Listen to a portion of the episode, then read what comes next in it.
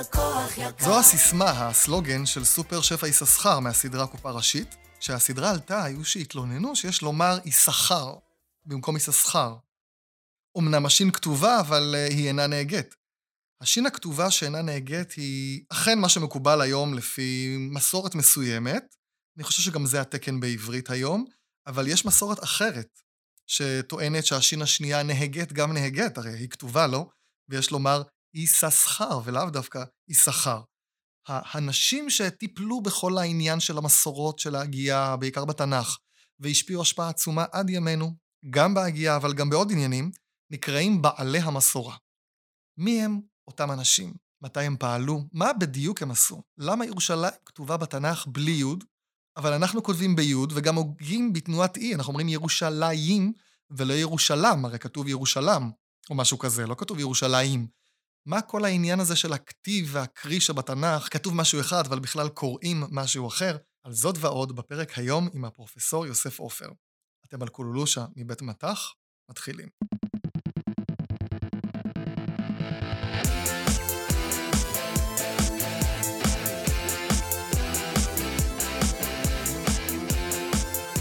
ברוכים הבאים לעוד פרק של קולולושה, ההסכת היחיד או הראשון בעולם העוסק בשפה העברית. אה, פרק מיוחד על אה, בעלי המסורה למקרא. פה מולי נמצא הפרופסור אה, יוסף עופר, מה שלומך? ברוך השם. אני שמח שהגעת, תודה רבה. אתה יושב ראש ועדת הדקדוק של האקדמיה ללשון העברית, ואתה חבר בוועדת המינוח המרכזית. היית מזכיר מדעי באקדמיה ללשון העברית, ואתה גם במערכת של תרביץ, היית או עדיין? הייתי בתקופה עתיקה. היית? בעבר. ואתה מלמד עד היום במחלקה לתנ"ך באוניברסיטת בר אילן, נכון? ובמכללת הרצוג באלון שבות. תחום העיסוק המרכזי שלך הוא חקר המסורה והלשון העברית ופרשני המקרא. נכון. עד כאן נכון? אנחנו עוד... אה, אתה גם היית יושב ראש הוועדה שעסקה בכללי הכתיב חסר הניקוד, כן. או הכתיב המלא, על זה, על זה יש לנו פרק נפרד. בסדר גמור. אז גם על זה נדבר. טוב, בעלי המסורה הם אה, אנשים מרתקים שלא יודעים עליהם כל כך הרבה, כן. אז אה, תספר לנו מתי הם פעלו, באיזו תקופה, מה בדיוק הם עשו, מי הם היו, קצת רקע. כן.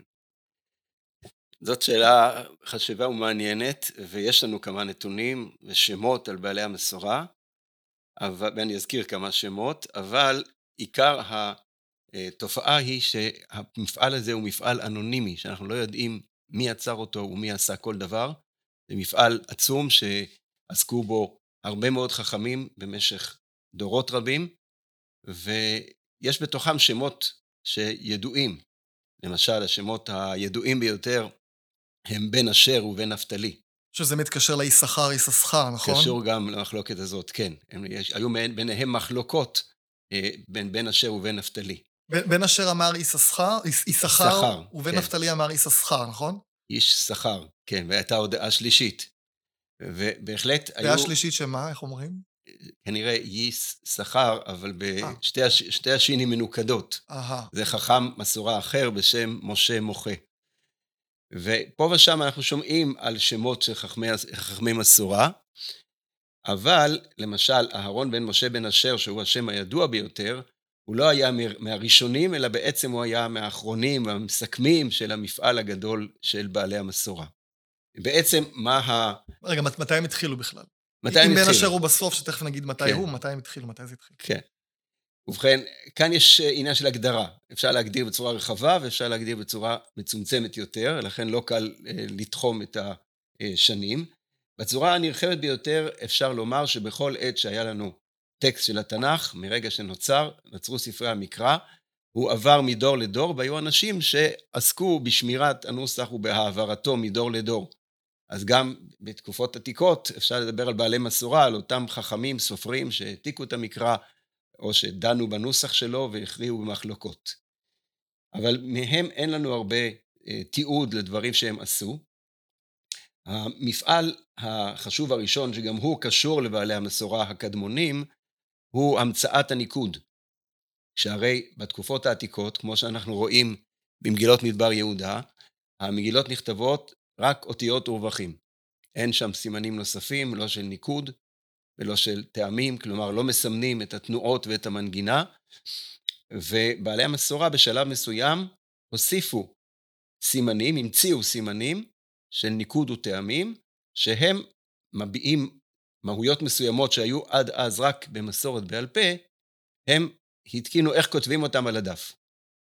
כלומר, על הדף אני יודע שקוראים את זה יהודה ולא מילה אחרת. אפשר היה לקרוא יהודה, את אותן אותיות. כן. או, או יש החוצבים בכתובת השילוח, זה יכול להיות, אה, היא חצבם או משהו כזה, ואני יודע שזה החוצבים, כן, שם זה לא מנוקד, אבל עקרונית. זה לא מפליא כל כך, כי עד היום אנחנו קוראים, אה, בדרך כלל, רוב הטקסטים שאנחנו קוראים הם בלי ניקוד. ואנחנו צריכים לדעת, כשכתובה מילה שמ"ר, אם לקרוא את זה שמר, או שמור, או שימר, וכולי. שזה קשור באמת לנושא שלו. קשור לנושא הכתיב. מוסיפים ו"ים וי"דים כדי כן. לעזור.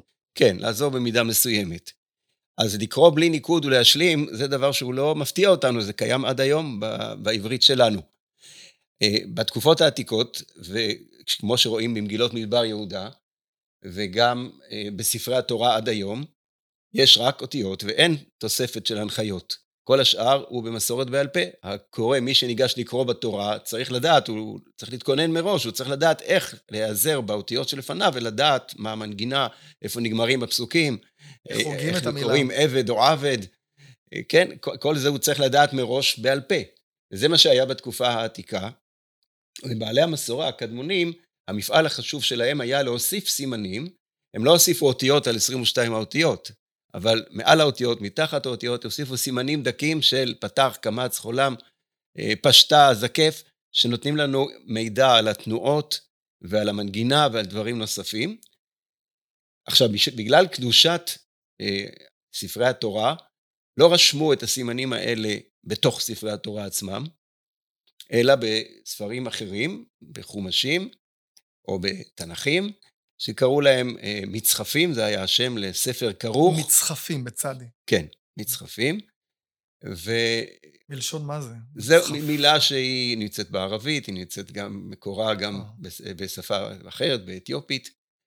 ובכל אופן, כך ציינו את אותו קודקס, את אותו ספר כרוך, שיש לו יתרונות, אפשר לדפדף בו בקלות, מתחילתו לסופו. ובספרים האלה כתבו בצורה אחרת, כלומר לא רק את האותיות, אלא גם את הניקוד והטעמים. ובעצם השניות הזאת אה, מתקיימת עד היום בבית הכנסת, כאשר ניגשים לקרוא בתורה, אז הקורא קורא מתוך המגילה, ולפניו רק האותיות, וכל הקהל מחזיק בידו חומשים שיש בהם גם ניקוד וגם טעמים, ואם אה, ישגה הקורא, אז מיד... אוי ואבוי לו. אוי ואבוי לו. כן. אז מבחינת שנים, פחות או יותר, אז התקנת הניקוד, אנחנו שערים שזה היה בסביבות המאה השביעית או השמינית, אז אה, התחילו להתקין את סימני הניקוד, ואגב, לא רק אה, במרכז העיקרי של בעלי המסורה שהיה בטבריה, התקינו סימני ניקוד, אלא גם במרכז השני, בבבל, במקביל עשו פעולה מקבילה, וגם שם אה, התקינו סימני ניקוד וטעמים, ואיזה שהם קשרים וזיקות בין שני המרכזים. הטעמים והניקוד זה באותה תקופה, או שזה... קודם, קודם טעמים, פה... קודם טעמים, ניקוד או שאנחנו לא יודעים? זאת שאלה מעניינת של ההתפתחות, והיא תלויה באמת בדיוקים שחוקרים, כי אין לנו תיעוד היסטורי לשלבים של יצירת המפעל הזה. יש זיקות וקשרים בין הניקוד והטעמים, יש אה, היגיון להגיד שאולי קודם אה, התקינו את הטעמים המפסיקים, החזקים יותר, ואחר כך השלימו את המערכת באופן שלם. חוקרים עסקו בזה וניסו לשחזר את השאלה הזאת. אבל אין לכך אה, עדויות מוצקות ישירות בכתבי יד שאנחנו רואים את השלבים של היצירה של המפעל הזה. זאת אומרת, מה הם רצו בעצם? לשמר את הנוסח של המקרא? לשמר, מה הייתה המטרה שלהם? בעצם את אותה אה, תורה שבעל פה שהייתה, מסורת בעל פה, שעברה מרב לתלמיד, מאב לבנו, אה, הם רצו לכתוב אותה. בעצם הדבר הזה מקביל לתורה שבעל פה, שהייתה מסורת שעברה בעל פה ואסור היה לכתוב אותה, ובשלב מסוים, אומרים חכמים, משום עת לעשות להשם הפרו תורתך, אה, החליטו לכתוב את התורה שבעל פה, לנסח אותה. אז גם פה, במקביל לזה, אותה מסורת קריאה שהייתה בעל פה, עכשיו אם אתה מסמן את סימני הניקוד והטעמים, אז בעצם רשמת לך על הדף גם את הדברים האלה, ואתה לא צריך יותר לסמוך רק על הזיכרון של ה...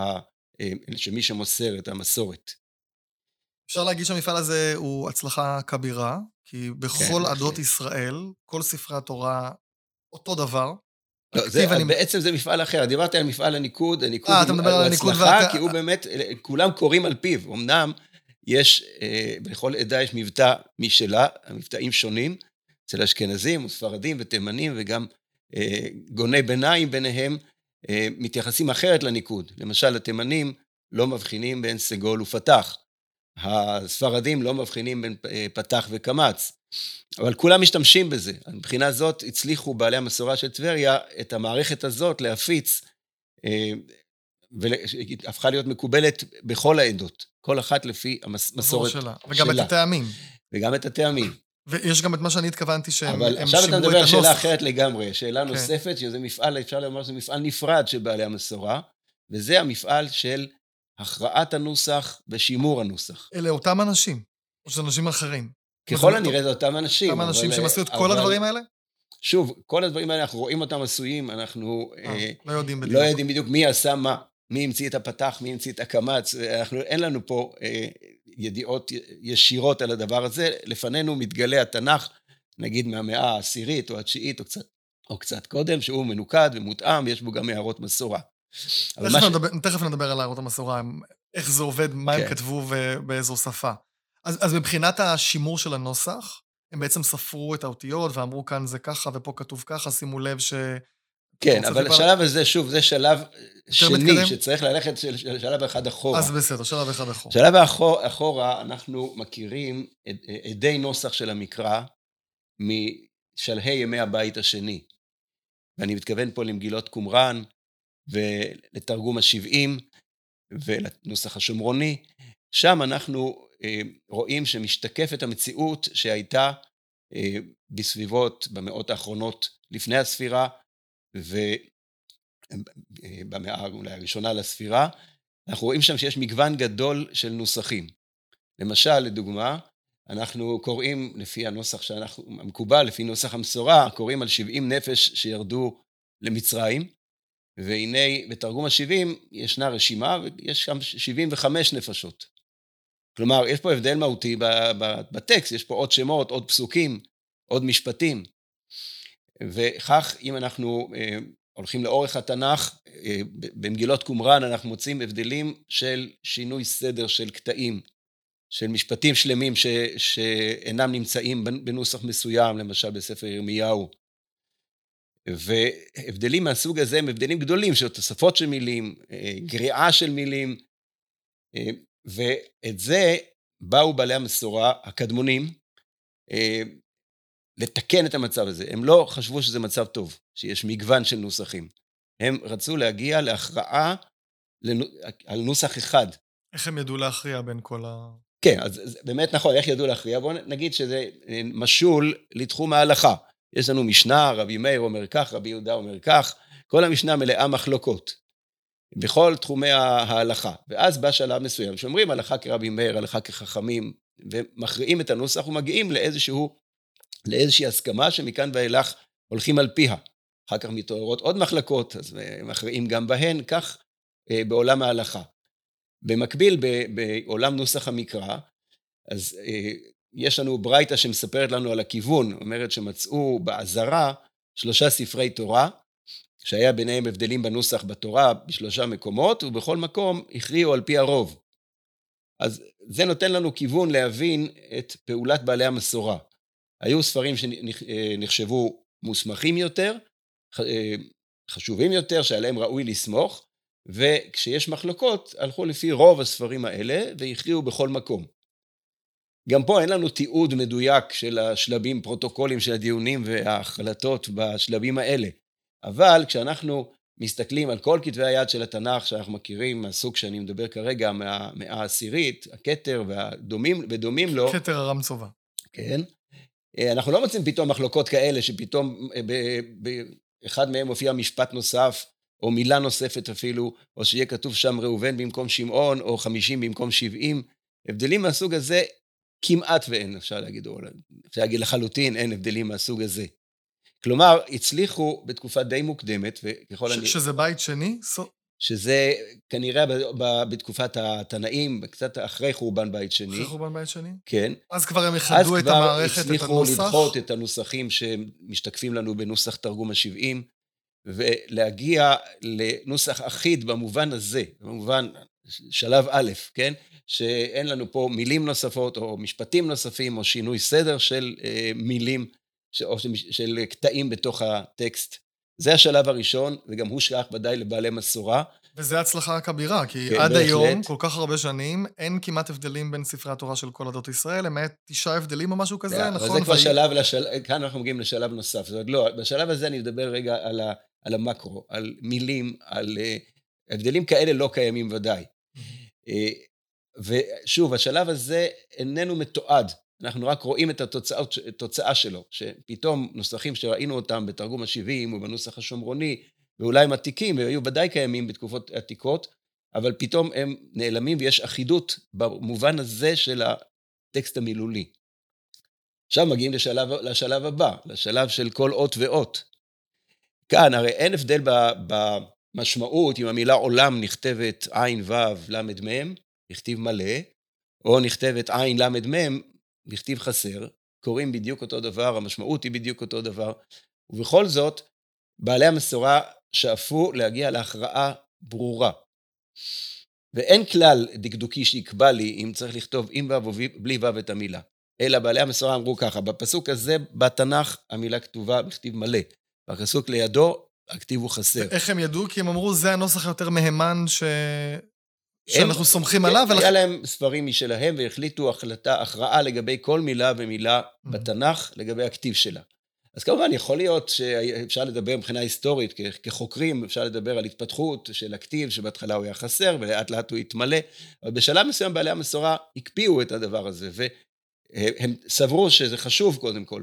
זה לא שאפשר לכתוב מה, ש... מה שרוצים, פעם לכתוב עולם בלי ו' ופעם עם ו', אלא, אלא במקום 18 מקומות, נגיד בתנ"ך, המילה לעולם כתובה אה, בכתיב חסר, אז צריך לדאוג שבדיוק ה-18 האלה, שלא יהיו 17. לא, הם ממש ספרו וכתבו, שפה אנחנו מתחברים לאיך הם העירו את ההערות האלה. כן. תסביר טיפה, כן. איך הם, אמרת שיש ספר...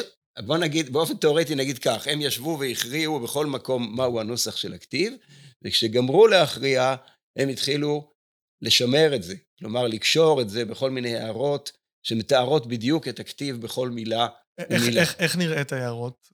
אני פותח חומש עם, של בעלי המסורה, מה, מה היה כתוב כן. בצד? אז אנחנו מוצאים למשל הערת מסורה, לעולם י"ח חסר.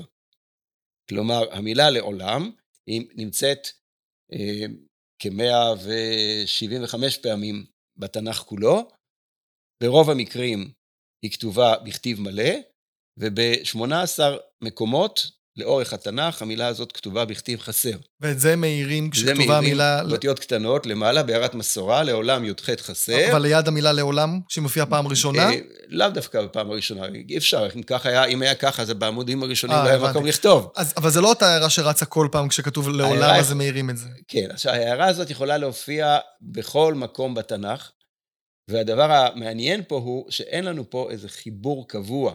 כלומר, כל כתב יד נותן לנו יצירה חדשה עם מגוון חדש של הערות מסורה. והדבר אבל אלה אותן הערות, או שפתאום יש הערות חדשות? יש, לא בהכרח אותן הערות, אבל, אבל מה? יש ביניהם אחידות. כלומר, בדרך כלל אנחנו לא נמצא שבכתב יד אחד כתוב שיש 17 מקרים של לעולם חסר, ובכתב יד אחר 18 מקרים. אלא המספר 18 הולך ומלווה את, ה, את הצורה הזאת, ופה יש לנו שני סוגים של הערות מסורה, מסורה גדולה ומסורה קטנה. מה זה אומר? המסורה הגדולה זה הערות ארוכות יותר, ואז אם מופיעה הערה שהמילה לעולם מופיעה 18 פעמים בכתיב חסר, יופיע בהמשך פירוט של כל הפסוקים.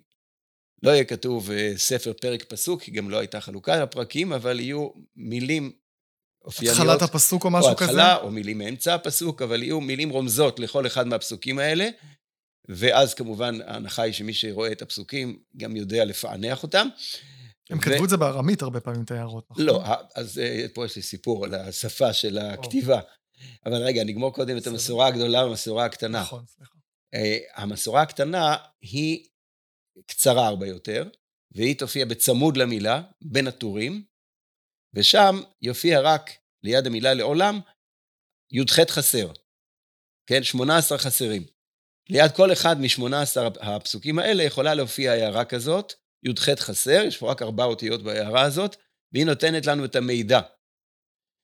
ואלו אותם אנשים שכתבו את הגדולה כן, ואת הקטנה? כל, כל, כל סופר שכתב, אה, כתב מצחף, כתב כזה אה, קובץ של מסורה, כתב גם את המסורה הגדולה וגם את המסורה הקטנה. אז זאת אומרת, זה כמו שולחן ערוך וקיצור שולחן ערוך? אה, אבל זה הולך יחד, עכשיו באמת מעניין לחשוב על, על המנגנון הזה, איך זה עובד. או בשביל מה צריך את זה? מה יעזור לך לדעת שיש 18 פסוקים אם אין לך פירוט של אותם פסוקים? אז התשובה היא שאם המספר הזה יופיע שוב ושוב, ואתה יכול פה בארבע אותיות לכתוב את זה, י"ח חסר. אז אתה יכול לכתוב את זה שוב ושוב, בפסוקים האלה המספר הזה ייכנס לתודעה, וזהו, אי אפשר להזיז אותו, כבר עובר מדור לדור. וכך בעצם בעלי המסורה, שיצרו את המערכת העצומה הזאת של ההערות, זה לא היה אדם אחד שיצר והחליט והפיץ לכולם. זה איזושהי יצירה קולקטיבית שעברה בדורות שונים ובתפוצות שונות, ויחד עם זה הצליחה לשמור על, ה, על הלכידות הפנימית, והצליחה במבחן של להגיע, להגיע לנוסח אחיד בכתיב של התנ"ך. כאן צריך לומר את זה קצת בהסתייגות, זה לא אומר שכל ספר שניקח מספרי התנ"ך, מכתבי היד העתיקים, יהיה בדיוק מתאים לכל הערות המסורה. זה לא נכון. בתחום הזה של לקבוע את הכתיב בכל מקום, יש אלפים או אפילו מאות אלפים של מקומות שאתה צריך להחליט אם הכתיב מלא או חסר. ואם אתה משווה אפילו כתבי יד עתיקים וטובים, יש ביניהם הבדלים. ולכן צריך להשוות בין כתבי היד, צריך להיעזר בהערות המסורה, ולנסות לראות מה הייתה ההכרעה של בעלי המסורה. פה אני אזכיר את המפעל שעשה אה, מורי הרב מרדכי ברויר, שבדק לאורך כל התנ"ך את הכתיב של כל המילים, השווה כמה כתבי יד, ובכל מקום שהוא מצא מחלוקת, הוא אה, חיפש הערות מסורה. ושוב, הערת מסורה יכולה להופיע במקומות שונים בתנ"ך בכתבי יד שונים, בכל כתב יד יש מגוון אחר. והוא הצליח להכריע בכל מקום, כמעט בכל מקום בתנ"ך, מהו הנוסח שבעלי המסורה כיוונו אליו, ואז התגלית הגדולה שלו הייתה שכתר ארם צובה מכוון בכל מקום לנוסח הזה של המסורה. כלומר, מדובר פה על אה, ספר שהמסרן שיצר אותו ו, ועבד עליו במשך שנים, כל הזמן ניסה להתאים אותו ולתקן אה, אותו שיתאים להחלטות של המסורה, והגיע בזה להישגים הרבה הרבה יותר גדולים מאשר כתבי יד אחרים. שזה כנראה הספר שהרמב"ם מתכוון שהוא ראה וסמך את, יד, את ידיו עליו, כן, נכון? כן, כן. הרמב"ם מסתמך על קטע הר"ן צובה, דווקא לא לעניין הכתיב, אלא לעניין הפרשיות הפתוחות והסתומות.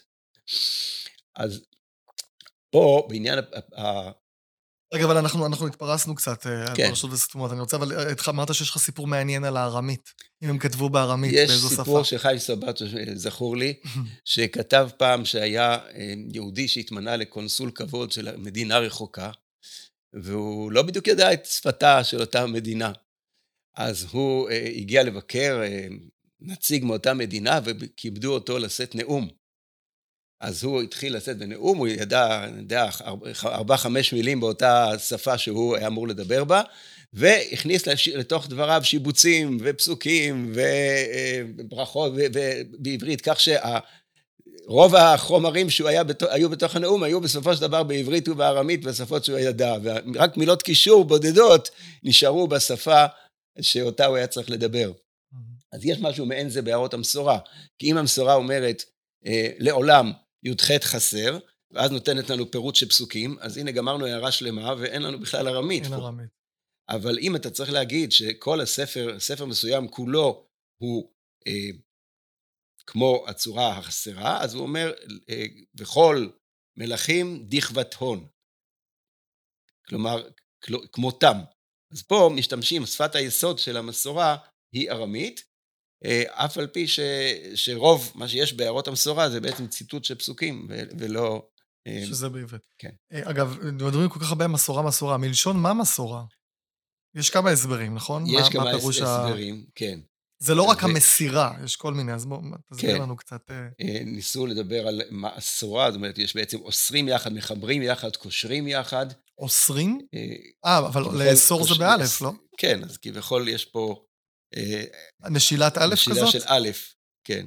אה. אה. בעצם כתב על זה פרופסור זאב בן חיים, לדעתו המשמעות של מסורה היא של סימן. כלומר, בסופו של דבר, של מספר, סליחה. לדעת בן חיים, של ספירה? משמעות של ספירה. בעצם כי באמת יש של של הספירה, יש גם סימן, כמו כן. שאמרת. כן, הפעולה שעשו אותה בעלי המסורה כדי לחזק את הנוסח היה, היה, הייתה למנות שוב ושוב, למנות פסוקים ומסוגים שונים, ועל ידי כך הם משמרים את הנוסח, ולכן מסורה מביע את העניין הזה של המניין. אמרת שיש כל מיני הערות, אז יש גם כל מיני, אה, כותבים ענייני טריוויה מעניינים, אה, שפסוק שיש בו את כל אותיות האלף-בית למשל. כן. זאת אומרת, יש שם כל מיני יש. הערות מעניינות. נכון, יש הערות פיקנטיות מעניינות. כאלה. בהחלט, אפשר בהחלט להניח שבעלי המסורה גם רצו להשתעשע כביכול ולחפש אה, דברים מיוחדים בטקסט. אה, פה באמת אה, את הדוגמה הזאת של 26 פסוקים שמונים בעלי, מונים בעלי המסורה בכל התנ"ך, שיש בהם אה, את כל אותיות האלף-בית, והפסוק ה-27 עולה על כולם, יש בו גם אותיות מנצפה, אותיות נכון, הסופיות. סופיות. זה אה, פסוק בספר צפניה, נקרא אולי את הפסוק הזה. פרק ג', פסוק ח', לכן חכו לי נאום אדוני ליום קומי לעד, כי משפטי לאסוף גויים, לקובצי ממלכות, לשפוך עליהם זעמי כל חרון אפי, כי באש קנאתי תאכל כל הארץ. ספרתי שיש בו בפסוק הזה 154 אותיות, ומתוכם 27 אותיות כולל הסופיות, זה באמת דבר מיוחד, למרות שמי שקורא את הפסוק לא רואה שום דבר מיוחד בפסוק הזה. כן, הם שמו לב להרבה דברים. ורבי יונאי בן ג'נח, המדקדק, אה, הוא דיבר על בעלי המסורה. בכלל, יש לנו שאלה מה היחס בין בעלי המסורה לבין המדקדקים. כל אחד מהם יש לו תפקיד אחר, ולפעמים יכול להיות גם מתח ביניהם. אז הוא אמר עד כמה הוא מעריך את בעלי המסורה, כמה הם יגעו, עד כדי כך שהם חיפשו את כל הפסוקים שיש בהם את כל אותיות האלף בית, הוא הביא את זה כדוגמה ליגיעה העצומה, למאמצים העצומים שעשו בעלי המסורה אה, במלאכה שלהם. ומבחינתו כמדקדק, אה, עבודה של בעלי המסורה היא הבסיס, כי כשאתה בא לחפש את חוקי הלשון, איך עובדת הלשון, ואיפה יש פה פעלים בבניין אחד ובבניין אחר, וצורות עבר וצורות עתיד, ולדון בלשון מבחינת התוכן, אז אתה, אמ, כשאתה בא לעשות דבר הזה, אתה צריך, אתה מתחיל עם ספר שאתה יודע מה הנוסח. ברגע, אם אין לך נוסח מוסכם, אתה לא יכול להתחיל אה, למנות את הדקדוק שלו. אז כביכול בעלי המסורה נותנים, מספקים למדקדקים את הבסיס לעבודה שלהם. אבל לפעמים חלקו עליהם, לא? לפעמים חלקו. אבן עזרא למשל, במקום מסוים, אומר מי שסופר את כל האותיות מלא וחסר, ולא נכנס להבין את תוכן הדברים, אז הוא כמו גמל שיש עליו מסוי של משי.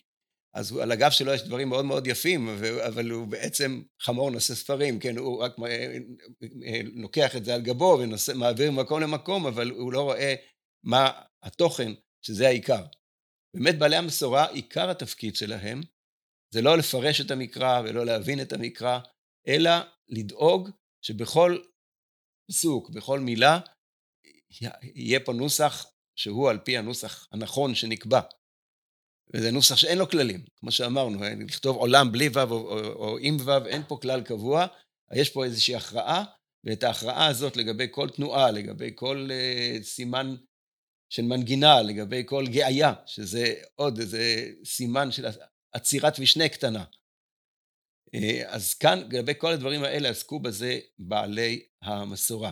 יש דברים שבגמרא כתוב א' ובעלי המסורה אומרים ב', נכון? כלומר, לא תמיד יש חפיפה. כן. אני יודע, למשל, סדר הספרים בתנ"ך.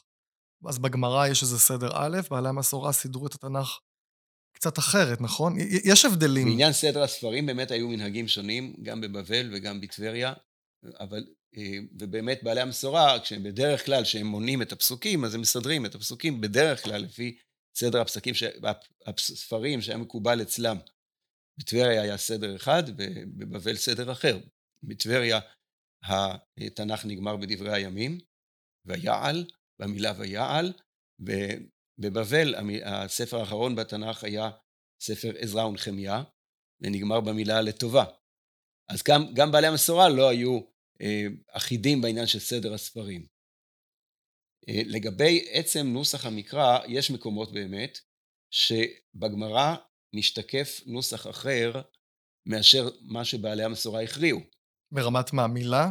לרמת כתיב בעיקר. כתיב? כן. למשל, דורשים, ויהי ככלות משה, ביום כלות משה להקים את המשכן. ומוצאים במדרשים שכלות, כתוב בכתיב חסר, וזה רומז לכלה שנכנסת לחופה. כך המשילו את היום של חנוכת המשכן. אבל בנוסח שלנו, כלות כתוב בכתיב מלא. אז כל הדרשה בנויה על איזושהי עובדה שהייתה נכונה בספרים שעמדו אה, לרשותם, אבל בעלי המסורה, אולי בדורות יותר מאוחרים, אולי במקומות אחרים, בסופו של דבר הכריעו שהכתיב שם הוא כתיב שלא מתאים. הבעיה העיקרית הייתה אם למדו איזושהי הלכה מהכתיב הזה. למשל, אם המילה קרנות כתובה בכתיב מלא או בכתיב חסר, אה, דרשו מזה את מספר ההזעות שצריך להזות מהקורבנות. ואז אומרים, אנחנו סופרים קרנות עם ו' זה שתיים, וקרנות אה, בלי ו' זה אחת. בסופו של דבר, אם פה הנוסח שלנו הוא לא הנוסח שהגמרא בונה עליו, אז יש כביכול פער. אה, פער בהלכה, בדברים שקשורים להלכה. ופה באמת, בזמן הראשונים התלבטו במקרים כאלה, אבל בסופו של דבר המסורה ניצחה, באיזושהי צורה מופלאה, אה, נוסח המסורה הוא זה שקובע גם במקומות כאלה, גם במקומות שהגמרא בונה הלכה על הכתיב המלא והחסר. גם הפרשנים, תמיד שאם הם חולקים על, על בעלי המסורה, הרבה פעמים הם אומרים, במסורה כתוב ככה, והם חצי מתנצלים שהם אה, לא מקבלים, בעיקר על טעמים. נגיד, המסורה חילקה את הפסוק באיזושהי צורה עם הטעמים ככה, ולכן ההפסקה היא פה. אז אבן עזרא אני זוכר, אבל לא רק הוא. אבן עזרא מצהיר הצהרה, הוא אומר, כל פירוש שלא על דרך הטעמים לא תובע לו ולא תשמע אליו. אבל לפעמים אני חושב שהוא בעצמו... אבל אה, כשאתה מסתכל בעצמו במעשה הפרשני שלו, הוא בהחלט... אה, הוא חורג לפעמים. שהוא איננו מפרש על פי הטעמים. אבל הוא קצת מתנצל כשהוא עושה את זה, זה מה שאני אה, זוכר. אני, בדרך כלל הוא לא מתייחס לטעמים, יש, פר, יש פרשנים שבאו ואמרו, טעמים ככה ואנחנו מפרשים אחרת, כמובן גם פרשנים. לא מחויבים בהכרח לטעמים. כן. אגב, דיברנו על טעמי המקרא, אז בואו קצת אה, ניתן... אה, מה התפקיד של אה, אה, הטעמים? אה, אז רגע, מה התפקיד של הטעמים? שלושה תפקידים כן. מרכזיים, נכון? כן. אה, טעמי המקרא, בעיקרם, הם באים להראות לנו איך, מהי המנגינה שבה קוראים. זה באופן בסיסי. מנגינה אתה מתכוון מילל מלרע, לא מוזיקה. לא, לא, לא, מוזיקה. כן מוזיקה? בהחלט, כן. באופן בסיסי... למה חשוב לי מה המוזיקה? כי יש לנו מסורת, חלק מהמסורת זה לקרוא את המקרא במנגינה מסוימת, והמנגינה הזאת, שהייתה בעל פה עוד לפני שהתקינו את הסימנים האלה, גם היא חשובה. בשביל הזכירה, אני מניח, לא? כי יותר קל לזכור משהו שהוא חצי מה... מולחן. יכול להיות, אבל זה חלק מהדבר, זאת אומרת, זה חלק מהמהות. המהות של התורה היא שקוראים אותה במנגינה מסוימת, שהיא המסורת. מה שיש לנו, אני יודע, אם תיקח את אה, המנון המדינה, זה לא רק המילים שכתובות שם, יש משמעות למנגינה. המנגינה היא חלק מההמנון, מהמהות של, ה, של השיר. אז הטעמים משקפים קודם כל את המסורת בעל פה, שקדמה, שהייתה עוד לפני שהיו סימנים כתובים. אה, עכשיו, נכון שהמנגינה הזאת עצמה, היא מתאימה גם לפיסוק, כי מנגינה איננה קוטעת משפטים באמצע בצורה לא נכונה, אלא היא מראש בנויה על פי התחביר הפנימי של הפסוקים, ולכן יש טעמים שהם טעמים מפסיקים, וכשאנחנו מסתכלים בטעמים המפסיקים, אנחנו יכולים לראות מהו הפיסוק התחבירי שבו, אה, שבו הבינו את הפסוק ועל פיו קראו את הפסוק. אז מבחינה פרשנית יש חשיבות לצד הפיסוקי הזה, לטעמים המפסיקים. אבל יש גם טעמים אחרים שאין להם תפ... אה, תפקיד פיסוקי. הטעמים המשרתים, יש להם רק תפקיד מוזיקלי, כי בסופו של דבר הם מצטרפים אל המפסיקים ויוצרים יחד את המהות המשולבת הזאת. כלומר, יש טעמים שהם אה, מקבילה של נקודה או פסיק או נקודה פסיק, ויש טעמים שהם כן. כמו אפילו מקף כזה, שאומר המילה הזאת מחוברת למילה שאחריה, אה, נכון? אז בואו נאמר כך, אי אפשר למצוא מקבילה מדויקת, אבל ברור שיש טעמים לא, מעין, חזקים יותר, כמו שיש לנו נקודה שהיא ההפסק הגדול. סוף פסוק או סליק. ונקודה פסיק או פסיק, שזו הפסקה חלשה יותר. הטעמים עוד יותר עדינים. יש הרבה יותר הפסקות מאשר שמקובל היום בסימני הפיסוק.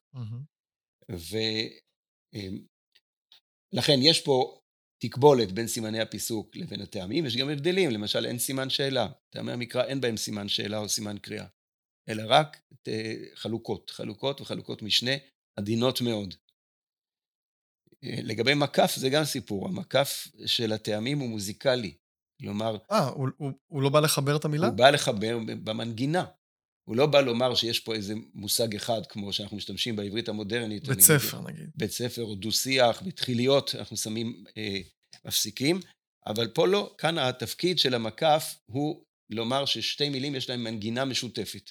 לכן אני כתבתי את זה מזמן ואני חוזר על זה הרבה פעמים, כאשר מעתיקים פסוק מן המקרא, אה, בלי להעתיק את הטעמים, אין שום טעם להעתיק את המקפים. אני יודע, אני גם, אני גם, זה משגע אותי. הם, יש פסוק בלי טעמים, רק את המקפים, יש כל מיני תוכנות כאלה, לא רוצה כן. להגיד שמות. משום מה המקפים נשארים. נכון, למה? למען השם. זה מתחיל מזה, בואו נגיד דבר נוסף שקשור לעיצוב. אה, האם המקף מעוצב כמו סימן ניקוד, או סימן טעם, או מעוצב כאות? הוא מעוצב כאות. הוא מעוצב, הוא עבה, כן? הוא עבה, יש לו מבחינת הטיפוגרפיה שלו, הוא דומה לאותיות, הוא, הוא עבה, ולכן גם כאשר אה, אתה מוציא מתוך התוכנה את הטקסט בלי ניקוד, הוא נותן לך, משאיר לך את המקפים. זה היה נכון אילו באמת המקפים היו כמו, כמו בעברית שלנו, באים למושג אחד, אה, תחילית, לחבר את התחילית אל גוף המילה שבאה אחריה. אבל כיוון שהטעמים הם מוזיקליים, אז אין טעם אה, אין סיבה להשאיר אותם, אני תמיד עובד ומשמיט אותם גם, אחד או, לאחד. או, או לחפש מראש במקומות שלא שמים את זה. כן. והעוד תפקיד של הטעמים זה מקום ההתאמה, כלומר כן. מלעיל מלרע. הטעמים, התברנים ניצלו גם את הסימון של מקום הטעם כדי לסמן ברוב המקרים, לא תמיד. רגע, רגע, מה זה הטעמים התברניים? יש טעמים אחרים? יש, כן, אמרנו שגם בבבל היו טעמים, ושם... אה, זה גם טעמים וגם ניקוד? חשבתי ש... גם ניקוד וגם טעמים. גם טעמים יש אחרים? מה, כן. סימון אחר? סימון אחר, רק, רק מעל המילים, וגם משתמשים באותיות, האות ח' או ז', נגיד. אה, אז הטעמי המקרא שאנחנו מכירים היום זה התברני? כן. זה לא- גם, לא, אין, לזה, אין את הבבלי? טעמי המקרא mm. שאנחנו מכירים היום הם תברניים, כמו שטעמי הניקוד, סימני הניקוד כן, שאנחנו משתמשים תברניים. בהם הם תברניים. אגב, שמות אה, טעמי המקרא, אני לא אשכח את זה כשלמדתי ניקוד, פתאום אמרו לנו שזה רביע. אני כל חיי ידעתי שזה רביע, ככה לימדו אותי רביע, פתאום זה נהיה רביע, הייתה לי הפתעה. אמ, המשמעות היא שאנחנו לא מדברים פה על מספר ארבע, אלא מדברים פה על רביצה, זו מילה ארמית. כן, אבל כולם אומרים רביע, ככה לימדו אותנו. בחומשים כתוב מנוקד רביע. זאת אומרת, איך זה קרה, אני לא יודע, זה סתם מעניין. חשוב שהמשמעות היא לעומת זקף, כן? הוא אה, זקוף, לעומת הטעם השני, שהוא רבוץ, כן? הוא רביע. יש, יש שמות שונים בין uh, עדות ישראל, נכון? לא כולם מסכימים. נכון, מרחת נכון. תפחה אתנחתא, או מעריך תרחה אתנח, uh, קדמה ואזלה, אזלה גריש, יש, יש, יש סיבה לבלגן הזה בשמות? לפעמים אנחנו מוצאים את השמות של הטעמים, מוצאים אותם בהערות המסורה, ושם השמות הם לפעמים השמות שמוכרים לנו, לפעמים אחרים. במיוחד בטעמים של שלושת הספרים, איוב, משלי ותהילים. או, זה עוד נדבר. זה כמה יש, שאלות. שם יש מערכת אחרת, ושם חלק גדול מהשמות הם שמות מודרניים, שבכלל לא נמצאים בשום מקום במסורה, אלא רק החוקרים המודרניים המציאו אותם, כמו רביע המוגרש, סימן שיש בו צירוף של שני סימנים, סימן הרביע וסימן הגרש, אז הוא נקרא רביע מוגרש, אבל זה שם מודרני לחלוטין. אז, אבל ההבדל בין כל ה... לא כל, אבל הרבה משמות הטעמים בין עדות ישראל יודעים... למה יש הבדל כל כך בשמות? למה זה ככה, זה ככה, זה ככה? לא בעלי המסורה לא, לא כתבו את השמות? הם כתבו לפעמים, לא תמיד. לא, תמיד? לא, אה, יש מקומות שהם באים להשוות, למשל, בין אה, הנוסח של ספר שמואל לנוסח של אה, דברי הימים. פסוקים מקבילים, ובעלי המסורה, חשוב להם כשיש פסוקים מקבילים והם דומים זה לזה, לציין בדיוק את ההבדלים, שלא יחליפו, שלא יערבבו ביניהם. אז אומרים, בפסוק הזה מופיע רביע, בפסוק הזה מופיע זקף, ושם אנחנו מוצאים את השמות של uh, טעמי המקרא, ולפעמים שמות שהם לא מוכרים לנו היום. אז נגיד קדמה ואזלה או אזלה גריש, אז בעלי המסורה, מה הם כתבו? או אתנח, או אתנח, או אתנחתה, מה, מה הם כתבו, ומה הם משתמשים? אתנחה לפעמים, יש... יש כלומר, כל... אצלם רואים גם חוסר עקיבות, ולכן יש את הבלגן הזה בשמות? לא, לא מזה זה נבע, כי יש להם שמות מסוימים, אפשר לראות אותם למשל בספר דקדוקי הטעמים. אז מ... איך השמות שלהם לא תפסו בעצם? איך פתאום כל עדה יש לה את הזה שלה ולא... זה, זה לא כבש את ה... טוב. נוצרו פה הבדלים. לא- נוצרו... עכשיו, דיברת על טעמי אמת, אז אני רוצה רגע, קודם כל נסביר מה זה ספרי אמת. כן. יש שלושה ספרים שמבחינת טעמי המקרא, יש להם מערכת טעמים אחרת. לכן כשלומדים את החוקים של הטעמים, אז צריך ללמוד בנפרד את החוקים של טעמים של כ"א ספרים, כלומר של רוב ספרי המקרא, ואחר כך בנפרד את המערכת המיוחדת הזאת של איוב, משלי ותהילים. זה ראשי תיבות אמת. למה, למה הם זכו למערכת נפרדת? זה מבלבל אגב, זאת אומרת, בתור מסור, בעלי מסורה שהיו כל כך מסודרים, לקחת את אותו טעם ולהלביש לספרים אחרים ולהגיד, פה זה קצת אחר, פה ההנגנה לא אותו דבר, זה... למה? תמציאו משהו חדש, או שתעשו אותו דבר, למה לשנות? טוב, זו מערכת אחרת. בבבל לא היו שתי מערכות, הייתה מערכת אחת ששימשה בכל הספרים. שזה הכי הגיוני בעולם. כן. אז מה, מה קרה בטבריה? אה, למה... בטבריה, המיוחד בספרים האלה, גם מבחינת התוכן, הם ספרי שירה, אבל לא רק הם ספרי שירה. איוב, אתה מגדיר אותו אה, שירה? כן, מבחינת, אין פה, זה לא פרוזה, זה כתוב כשירה. לא משנה כרגע אם השירה היא עצובה או, או שמחה. כן? ודאי, לא, זה נאומים שירה. כאלה, כן, לא, זה שירה. תקבולת, ודאי. אבל אה, גם, הבנתי. גם חלקים מנבואות הנביאים, גם הם שירה. דבר אחד מובהק שאפשר לראות אותו, זה שהפסוקים של שלושת הספרים האלה קצרים יותר מאשר אה, הפסוקים של שאר הספרים. מבחינה סטטיסטית זה מובהק. ולכן, אה, למשל, גם באותה מערכת בבלית שנותנת לנו את אותם טעמים, אז את הטעם החזק ביותר, אה, לא משתמשים בו ברוב הפסקים, רוב, רוב הפסוקים של ספרי אמת לא מופיע הטעם החזק ביותר, הסכפה, כן, מה שמקביל לאתנחתא, לא מופיע שם. לכן יש פה הבדל שפסוקים שיותר קצרים, יש בהם טעמים חלשים יותר, נאמר, שמחלקים אותם, ורק לעיתים רחוקות מופיע הטעם שבא לידי ביטוי במערכת הברנית, הוא, הוא נקרא עולה ויורד. וזה שהם השתמשו באותם טעמים ולא אמרו, בואו ניקח טעמים אחרים כדי לא לבלבל, זה היה להם נוח עם זה ככה? טעמים, יש חלק מהטעמים משותפים, וכנראה היו פה, היה פה איזה עניין מוזיקלי משותף, וחלק מהטעמים אה, הם אחרים. משותף הכוונה שאם אני רואה זרקה, אז זה אותה, אותה זרקה? זה לא... יש לה תכונות דומות. תראה, אנחנו לא יודעים מהי המנגינה בפועל שהייתה בטבריה. כמו ש... נכון, גם היום יש עדות שונות עם עדות שונות. יש היום ביצועים, כן, שונים של עדות שונות.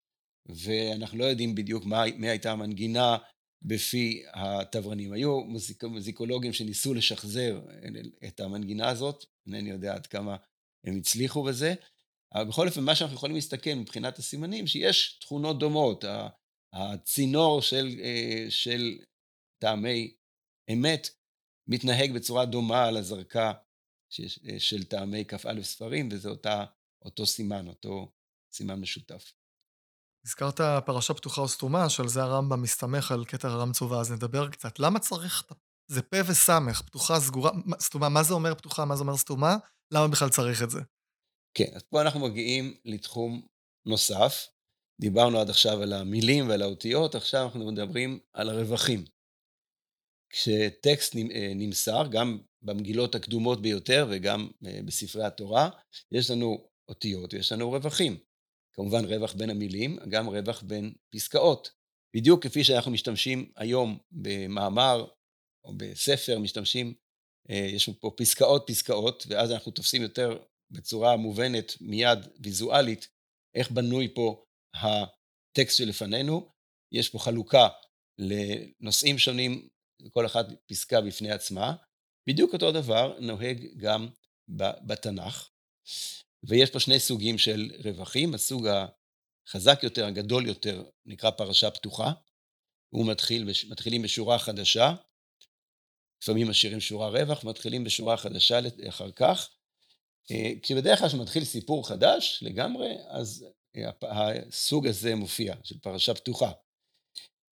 לעומת זאת, הסוג השני, החלש יותר, נקרא פרשה סתומה, יש פה רווח שהוא כלוא בתוך השורה, והוא מביע הפסקה חלשה יותר. כלומר, יש פסוק, מסתיים, יש רווח של כמה אותיות, ואז המשך, עוד כן, פסוק. כן, לא, כן. לא פסוק שמתחיל בשורה חדשה. זה, כן. זה הסתומה. כן. עכשיו, אה, עקרונית הדבר הזה מאוד הגיוני, שיש פה דרגות שונות של הפסקה, אבל אין פה איזה קנה מידה חד משמעי להגיד איפה מתחיל עניין חדש לחלוטין, ואיפה מתחיל עניין באותו עניין, כן, מעניין לעניין באותו עניין. ולכן יש בזה מחלוקות, היו בזה מחלוקות, ומה שמעניין פה אה, בתחום הזה, שבעלי המסורה לא הצליחו פה. כשהם הצליחו להגיע לאחידות גדולה בכל אות ואות, וגם בניקוד, הם לא הצליחו להגיע לאחידות בעניין הרווחים. ו... מה זאת אומרת לא הצליחו להגיע לאחידות? כלומר, אם אתה לוקח כתבי יד עתיקים, כמו כתר הרם צובה, שהוא כתב יד של כל התנ"ך, ומשווה אותו לכתב יד אחר מאותה תקופה, יותר הבדלים. כתב יד לנינגרד, אז לא יהיו פה הבדלים במילים, יהיו פה קצת הבדלים בכתיב, אבל בפרשיות גם יהיו הבדלים, לא תהיה פה אחידות. ולא רק זה, אלא שהערות המסורה שכתובות על הדף אינן עוסקות בעניין הזה. בלקבוע איפה יש פרשה פתוחה ואיפה, כביכול בעלי המסורה התייאשו מהעניין הזה. או שזה לא היה מספיק חשוב להם. זה מוזר, כי אנחנו יודעים, בתחום ההלכה נקבע שאם אדם עשה בספר פרשה פתוחה במקום סתומה, אז הספר פסול. אז בעלי המסורה קשה להניח שהם לא היה אכפת להם ואפשר היה לשים בכל מקום. אבל בכל אופן, אנחנו גם רואים שישנן רשימות. כלומר, אה, מי שבעצם הצביע על הבעיה הזאת וניסה לפתור אותה, היה הרמב"ם, שהוא בא וכתב בהלכה, בהלכות ספר תורה, בספר משנה תורה, הוא קודם כל כותב את מה שכתוב במקורות ההלכה. יש פרשה סתומה, וזו צורתה, יש פרשה פתוחה, וזו צורתה, ומי שכתב ספר שיש בו מקום שצריך להיות פתוחה, הוא כתב סתומה או להפך, או כתב פרשה במקום שצריך להיות רצף בכתיבה, הספר פסול. ואז המשפט הבא, אומר הרמב"ם, יש פה בעיה. אני ראיתי הרבה מחלוקות, כן? אין אחידות בין ספרי התורה. איך, איך אני יכול להגיד שזה פסול כאשר ספרי התורה אה, שונים זה מזה וכל אחד נותן, מסור, אה, נותן רצף אחר של פרשיות. אז הרמב"ם החליט להתגייס למשימה הזאת ולפתור אותה. והוא אה, הכניס לתוך ספר משנה תורה רשימה של 669 פרשיות של התורה, שכל אחד כתוב אם היא פתוחה או סתומה, ואומר, כך כמוני תראו וכן תעשו, אני כתבתי ספר תורה על פי הרשימה הזאת, ואתם גם תעשו כך, וזה להלכה. עכשיו, יש פה כמה שאלות. אחת, אה, האם פסק כזה של הרמב"ם יתקבל?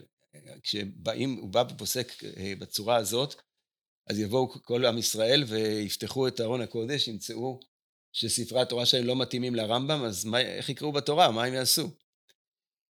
ושאלה אחרת גם היא איך הרמב"ם יצליח לעשות את המשימה של המסורה, כלומר לקבע את הרשימה שלו, שהיא לא תתערבב ולא ייפלו בה אה, שינויים, כי בעצם יבוא מישהו אחר, יסתכל בספר תורה שלו, יגיד, לא, מה, חייב להיות פה פתוח, הרי אצלי בספר התורה פתוח, אז הוא ישנה את הרמב"ם.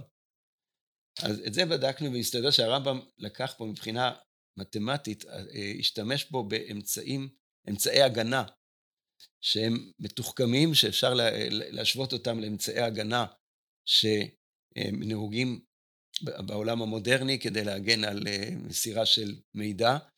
כתבתי איזה מאמר עם ידידי פרופסור אלכס לובוצקי, שהוא מתמטיקאי, חתן פרס ישראל, ובחנו את המנגנון הזה של הרמב"ם שהצליח בצורה בלתי רגילה. כלומר, אותה רשימה של הרמב"ם, כפי שיצא מתחת ידו, נשמרה במשך הדורות, וכל הניסיונות, לש...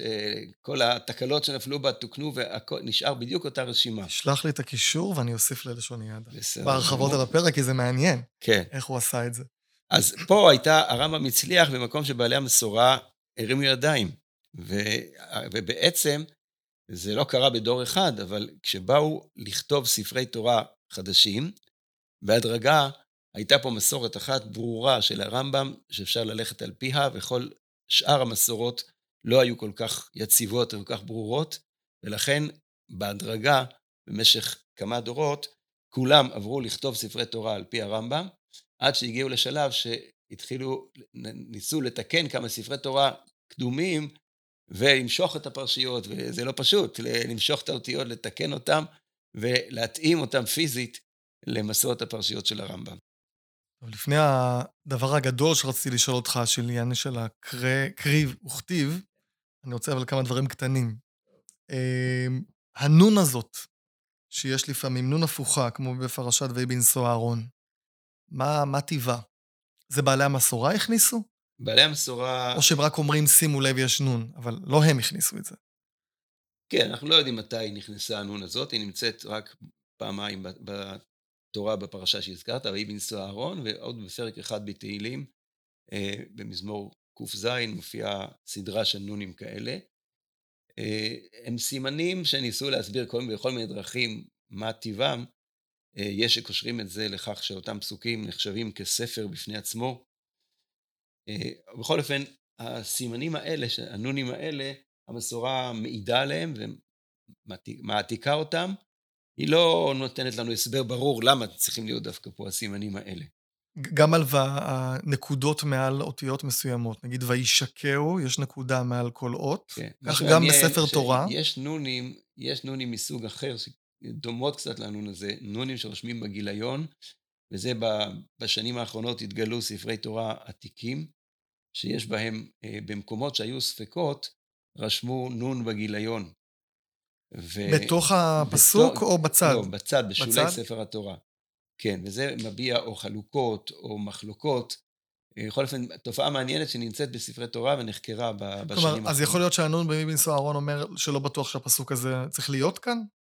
או, או, ש, או שלא בטוח שהוא מקורי? מה, מה, מה אתה רוצה להגיד בזה שהם מצאו שהנון מסמן משהו לא ודאי? אני לא בטוח שזה מאותו סוג של דברים. יש אה, אה. שיערו כל מיני השערות כאלה, אבל בעלי המסורה כשלעצמם אינם, רק אומרים שצריכים לסמן את הנון הזה. לא הבנתי, הם לא מסבירים. אז גם את הנקודה מעל וישקעו וכולי, שיש נקודות, הם לא מסבירים בעצם. גם שם הם מונים את המקרים האלה. שם דווקא יש הסבר לא, ב, לא במקורות של המסורה, אלא במקור... מדרש של חז"ל. מדרש של חז"ל. כן, אם הוא התכוון נכון. באמת לתת נשיקה עשיו ליעקב או לא, או להפך. אם זו נשיקה אמיתית או לא, כן. הכוונה. לא, אבל יש שם דו-שיח בין שני אנשים, בין עזרא הסופר לבין אליהו. אה. ודו-שיח דמיוני, אני מניח, שעזרא הסופר מייצג את, ה, את אה, הסופר שכותב את התורה, וצריך לדעת איך לכתוב, ואליהו, כל הדברים גלויים לפניו, והוא מתרץ אה, קושיות והבעיות. אז אה, אומר עזרא, אם יבוא אליהו ויאמר לי, למה כתבת את המילה, יגיד, אמר לו, כבר נקטתי עליה, כלומר, סימנתי עליה סימן למחיקה. ואם יגיד לי, זה בסדר, יפה כתבת, אז אני, בסדר, המילה כתובה, אעביר את הנקודות מעליה. אז במקומות האלה בהחלט זה באופן בסיסי נקודות על אותיות אה, שימשו לסימון מחיקה. את זה אנחנו רואים גם בגילות מדבר יהודה, וגם במקומות האלה, כשאנחנו באים להסביר את הנקודות האלה, אז יש פה עדות לספק בנוסח, למחיקה של אותיות, אני אקח רק דוגמה אחת, אה, בספר במדבר כתוב, בנשים עד נופח, אשר עד מי דבה. פה יש נקודה אחת על, ה, אה, על האות ר' במילה אשר. אם אתה מוחק את האות ר', אתה יכול לקרוא את הפסוקים, אנשים עד נופח אש. ובאמת אתה רואה שיש אה, דרשות בגמרא שמדברות שתבוא אש שאינה צריכה ניפוח. כלומר, באמת דרשו ככה את הפסוק, והיה כנראה נוסח כזה. אז הנקודות האלה נולדו כסימן של ספק בנוסח, שיש פנים לכאן ופנים לכאן, ובעלי המסורה רק אה, אספו אותם וספרו אותם ואמרו, יש כך וכך מקומות. 13, אני חושב. כן, אבל יש, במסורה הבבלית יש עוד מקומות נוספות, נוספים, ששם אה, נכתבו. אז גם אותיות uh, תלויות, שפתאום יש עוד גדולה או עוד קטנה, נגיד ויקרא עוד קטנה, הולך על גחון נון גדולה, שבשמע ישראל יש לנו את העין ו... נכון, את הדלת. כן. אה, הדברים האלה זה יודעים? יודע, יודעים למה כך, אה, אה, עשו את זה? מצד אחד, רגע, מצד אחד יש לנו פה, בכתבי היד העתיקים, יש מעט מאוד אותיות מהסוג הזה, בודדות ממש. נגיד ויקרא, לא כתוב באלף תא? לא. באמת? רק שלושה, שלוש נונים זעירות, ורוב האותיות האלה לא. מצד שני, יש לנו בכתב את לנינגרד רשימה של א', ב', שבכל התנ"ך יש א', ב' של אותיות גדולות וקטנות. כלומר, אה, נציג אחד לכל אות בכל התנ"ך. Mm-hmm. יש רשימה אחרת גם שבכל התורה יש אותיות גדולות וקטנות, אה, נציג אחד לכל אות. כלומר, יש פה חוסר אחידות במסורת הזאת. הסבירו את זה הסברים רבים, ניסו להציע לכל מקום, המסורה היא גם באופן, לא באופן מובהק מבצעת את זה. כלומר, זה משהו כנראה שצמח בתקופת בעלי המסורה, היו בו הבדלים בין ספרי התורה.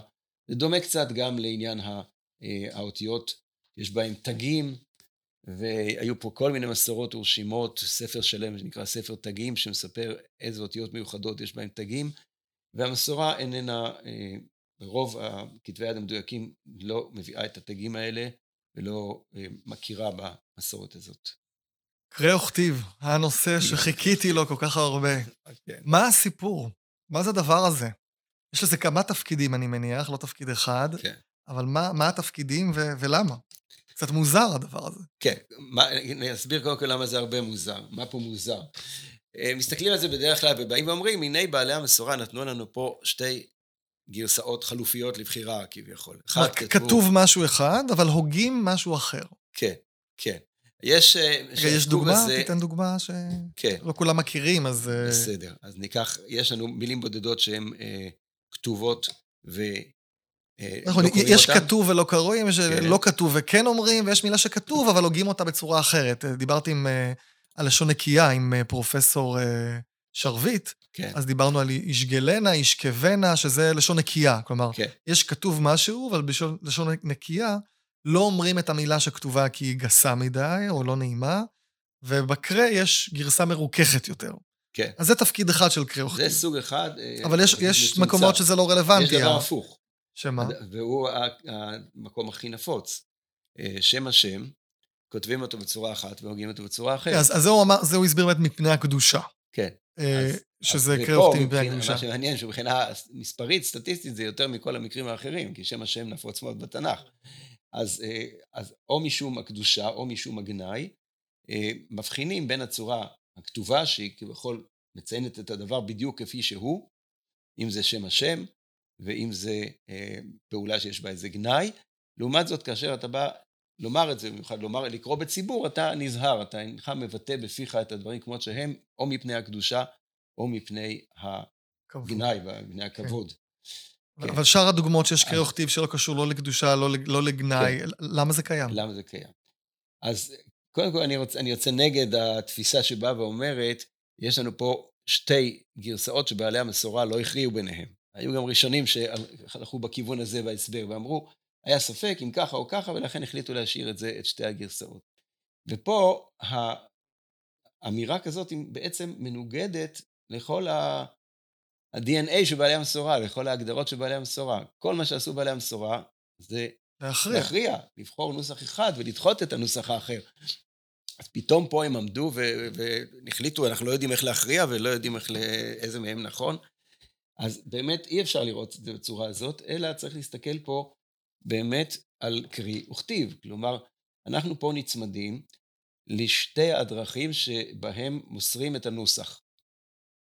הנוסח נמסר במקביל בשתי, בשני צינורות מקבילים.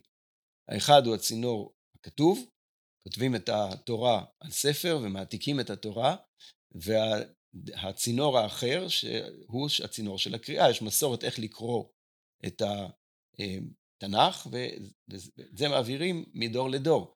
ואמרנו קודם שיש בקריאה כל מיני דברים שאין בכתיבה.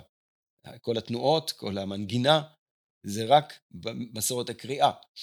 ויש בכתיבה דברים שאין במסורת הקריאה, למשל כתיב מלא וחסר, שייך רק לכתיבה ולא לקריאה.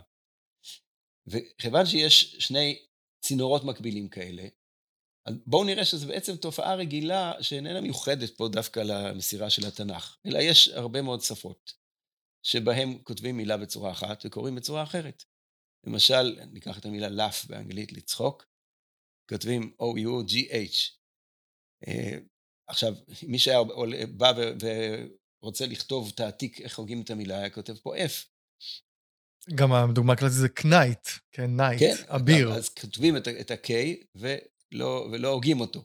אז יש לנו פה, אה, כתוצאה מהתפתחות היסטורית, הכתיבה היא שמרנית, אולי שומרת צורות שהיו פעם, והקריאה, אה, הלשון הדבורה משתנה במהלך הדורות, ואז נוצר פער כזה. לפעמים מנסים לצמצם אותו, ועושים איזו רפורמה בכתיב, ו... ו... שזה לדבר, יש לנו פרק על הכתיב, כן. כן, ולפעמים אה, נשאר הפער הזה, וכך מלמדים, כך כותבים, כך קוראים. יש אפילו מילונים לאנגלית שנותנים ליד כל מילה את התעתיק שלה, כדי שאדם שרוצה לקרוא לא יסתפק על, יסתכל על האותיות, אלא יהיה, יהיה לו פה תעתיק מדויק וידע איך להגות את, ה, את האותיות האלה.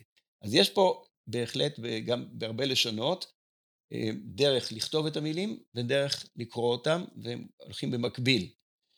אותו דבר גם לגבי המסירה של התנ"ך, שיש לנו פה את המסירה בכתב והמסירה בעל פה, וכש, ועלולים להיווצר ביניהם ניגודים. יכול להיות ניגוד גדול ויכול להיות ניגוד קטן. אם כתוב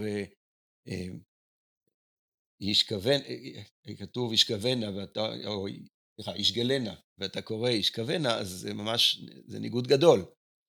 אם זה עניין של, כתוב לנו פה, למשל, שפכו, ושין, פ', כ', ה', וה' סופית, וקוראים שפכו, אז אתה יכול להגיד, טוב, זה הבדל קטן יחסית, אבל בכל אופן, נוצרים פה פערים. ואת הפערים האלה, מה שעשו בעלי המסורה, הם, הם לא רצו לכפות מסורת אחת על המסורת השנייה. כמו שלא משנים את, ה, את הכתיב של המילה אה, no באנגלית, ולא מוחקים את ה-K כשמפסיקים להגות אותה, אז גם פה מסורת הכתיבה היא בפני עצמה, שומרים אותה בפני עצמה, מסורת הקריאה שומרים בפני עצמה. אבל מה שאתה אומר נכון כשיש איזה הבדל באמת, כתוב שפכו בה' ואני קורא את זה בו'. אבל כשיש מילה שלא מופיעה ואומרים לי, אין מילה, אבל תגיד מילה, או כשיש מילה ואומרים לי, תתעלם מהמילה. נכון, אותו דבר, אז, יש מסורת הקריאה, פה זה מסורת, פה, פה זה, לא עניין. מילוני, פה זה עניין של טקסט. אנחנו, יש, המסורת פה מתייחסת לפרק הזה במגילת רות, איך כותבים אותו ואיך קוראים אותו. אז המילה הזאת, המילה אם למשל, כי גואל אנוכי, כתובה שם המילה אם, בטקסט, כשקוראים, קוראים, מתעלמים מהמילה הזאת. יש לי דוגמה אז, אחרת אז יפה. למה, למה הסורה לא מחקו את המילה? למה הם השאירו אותה? אמרת שהם הם, הם מכריעים, נכון? כן, כי, תמחקו. כי, כי המסורת של הכתיבה מוסכמת שצריך לכתוב אותה. אז, אז, אז, אז השאלה, אז איך נוצר פער בין המסורת הכתיבה? איך נוצר, זו שאלה אחרת. קודם כל, אין בעיה. אז עצמה... השאלה הבאה זה איך נוצר הפער לא, באמת. לא, אבל אני רוצה לחזור לשאלה הקודמת. קרי וכתיב זה אה, תופעה שקשורה למסירה, והיא תופעה שהיא ברורה מאליה, שכאשר מוסרים טקסט בשתי הדרכים, בכתב ובעל פה, יכול להיווצר פער ביניהם. בדרך כלל בעלי המסורה, מתוך השמרנות שלהם, הם לא ערבבו את המסורות. כל מסורת עומדת בפני עצמה, ושמרו כל אחת מהמסורות והקפידו להעיר. כאשר הם הכניסו את סימני הניקוד, זה הכריח אותם לכתוב הערה בצד, כי אי אפשר להלביש סימני ניקוד במקום שהאותיות לא מתאימות. אז היו חייבים להוסיף הערה בצד על חוסר ההתאמה בין המסורות. עכשיו אתה שואל איך נוצר הדבר הזה. כן. אז זה יכול להיווצר במהלך הדורות, ואנחנו לא יודעים לגבי כל דוגמה ודוגמה מתי היא נוצרה. האם מלכתחילה כבר אה, כשהנביא אה, כתב ישגלנה, אה, תשגלנה, אז הוא גם קרא תשגלנה, או שהוא כבר קרא תשכבנה, או שמישהו אחר כך אה, במהלך הדורות החליט שכך צריך לקרוא. כל דבר כזה יכול להיות שהוא... כלומר, אירע. נגיד, עצת אחיתופל אשר יעץ בימים ההם כאשר ישאל בדבר האלוהים, ולא כן, כתוב איש, נכון. ואומרים לי, תקרא איש, אז הייתה מסורת שצריך להיות כתוב איש ולא כתוב איש? עכשיו, כחוקר לשון, אתה תאמר כך, אה, יש פה ביטוי סתמי, כן? אפשר לומר, לקחת את המילה הסתמית איש, ואפשר לומר אותה גם כאשר ישאל, כמו שאנחנו נכון. אומרים, אה, בהשמטת הגוף, אתה, היום mm-hmm. היינו אומרים, כאשר ישאלו בדבר, בדבר האלוקים. כן. כלומר, יש שתי דרכים להביע את, את הסתמי, ושניהם מובנים. זו הדרך בעצם שהלכו בה הפרשנים, החל מרד"ק.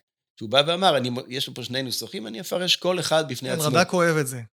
אז הוא אומר, אני במקרים האלה, אני אה, אפרש כל אחד בפני עצמו. כאסטרטגיה פרשנית הוא ודאי צודק. אני לא מסכים למה שהוא הסביר על מקור התופעה, אבל למה שהוא הסביר איך לנהוג בה, הוא צודק. צריך לפרש את המסורת שנמסרה לנו בכתיב, וגם את המסורת שנמסרה לנו בקרי. עכשיו, יכול להיות שמדובר, שזה נוצר על ידי איזושהי השמטה, או על ידי איזה מחלוקות בין מסורות שונות, שאת אותו פרק, מקום אחד הייתה לו מסורת אחת, מקום, מקום אחר הייתה מסורת אחרת.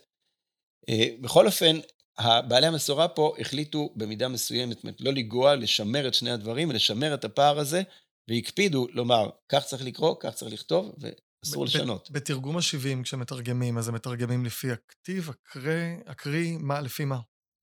או, או, או, או עוד מקומות שתרגמו. כן, אפשר לבדוק, גם במגילות קומראן, אתה יכול לבדוק האם זה מתאים לזה או מתאים לזה. אז פשוט חלק כך, חלק כך? לפעמים כך ולפעמים כך. כלומר, אין איזה משהו גורף, כן. שהלכו נגיד בתרגום ה-70 לפי הכתיב, לא, או לפי הקריא. לא, אין פה התאמה חד משמעית. אני לא יודע מה היה בימיהם, האם בימיהם היה כתוב, מן הסתם, הם הלכו לפי מה שהיה כתוב אצלם, אבל אולי גם היו גם בימיהם הבדלים בין מה שקראו למה שכתבו. אין לנו פה החומש שעמד לפניהם, ואני לא יודע איזה הבדלי קריא וכתיב היו אה, בזמנם. עכשיו, כשבגמרא כתוב תיקוני סופרים, כן. זה הכוונה לבעלי המסורה, או שאלה אנשים אחרים לגמרי שאנחנו לא בדיוק יודעים מה זה? כן. יודעים מה זה תיקוני סופרים? אז תראה, רק, בעצם רק נגיד את ההקשר ברשותך, כן. מה- על מה כתוב תיקוני סופרים כן. שהגמרא אומרת? ישנם אה, 18 מקרים שהמסורה מונה שהם תיקוני סופרים. בעצם כל התחום הזה, הייתי אומר שהוא חורג מתחום המסורה. מפני שהוא איננו בא לקבוע איך לכתוב את התורה ואיך לקרוא את התורה או את התנ"ך, אלא הוא בא לתת פה איזו פרשנות. והוא אומר שאשר כתוב איש לאוהליך, בעצם הכוונה היא בזה איש לאלוהיך. אז התופעה הזאת בעצמה היא תופעה שבעצם איננה קשורה למסורה, היא קשורה, היא נמצאת גם במדרשים הקדומים. אה, כלומר, זה לא. שכתבו פעם ככה ושינו, אלא במקור, מי שכתב את זה, אז כתב את זה שאלה ככה. אחרת. אה, זה מתחיל, אז בואו נתחיל בתופעה כשלעצמה. יש לה שני שמות במדרשים. יש מדרש שאומר אה, תיקון סופרים, או אפילו תיקון עזרא, ויש... אה, קינה ויש כתוב. אומרים יש. קינה הכתוב. קינה הכתוב משתמע... קינה בכף כמובן. כן. כן. אז הקינה הכתוב משתמע מזה שהמשמעות היא שכך מראש אה, כתבו את הדברים בלשון נקייה. כלומר, מראש כתבו את הדברים כך. לעומת זאת, תיקון סופרים, הלשון הזה מילולית משתמע, זהו, נשמע שמישהו תיקן. בא, מישהו בא ותיקן, היה לפניו. משהו אחר ושינה.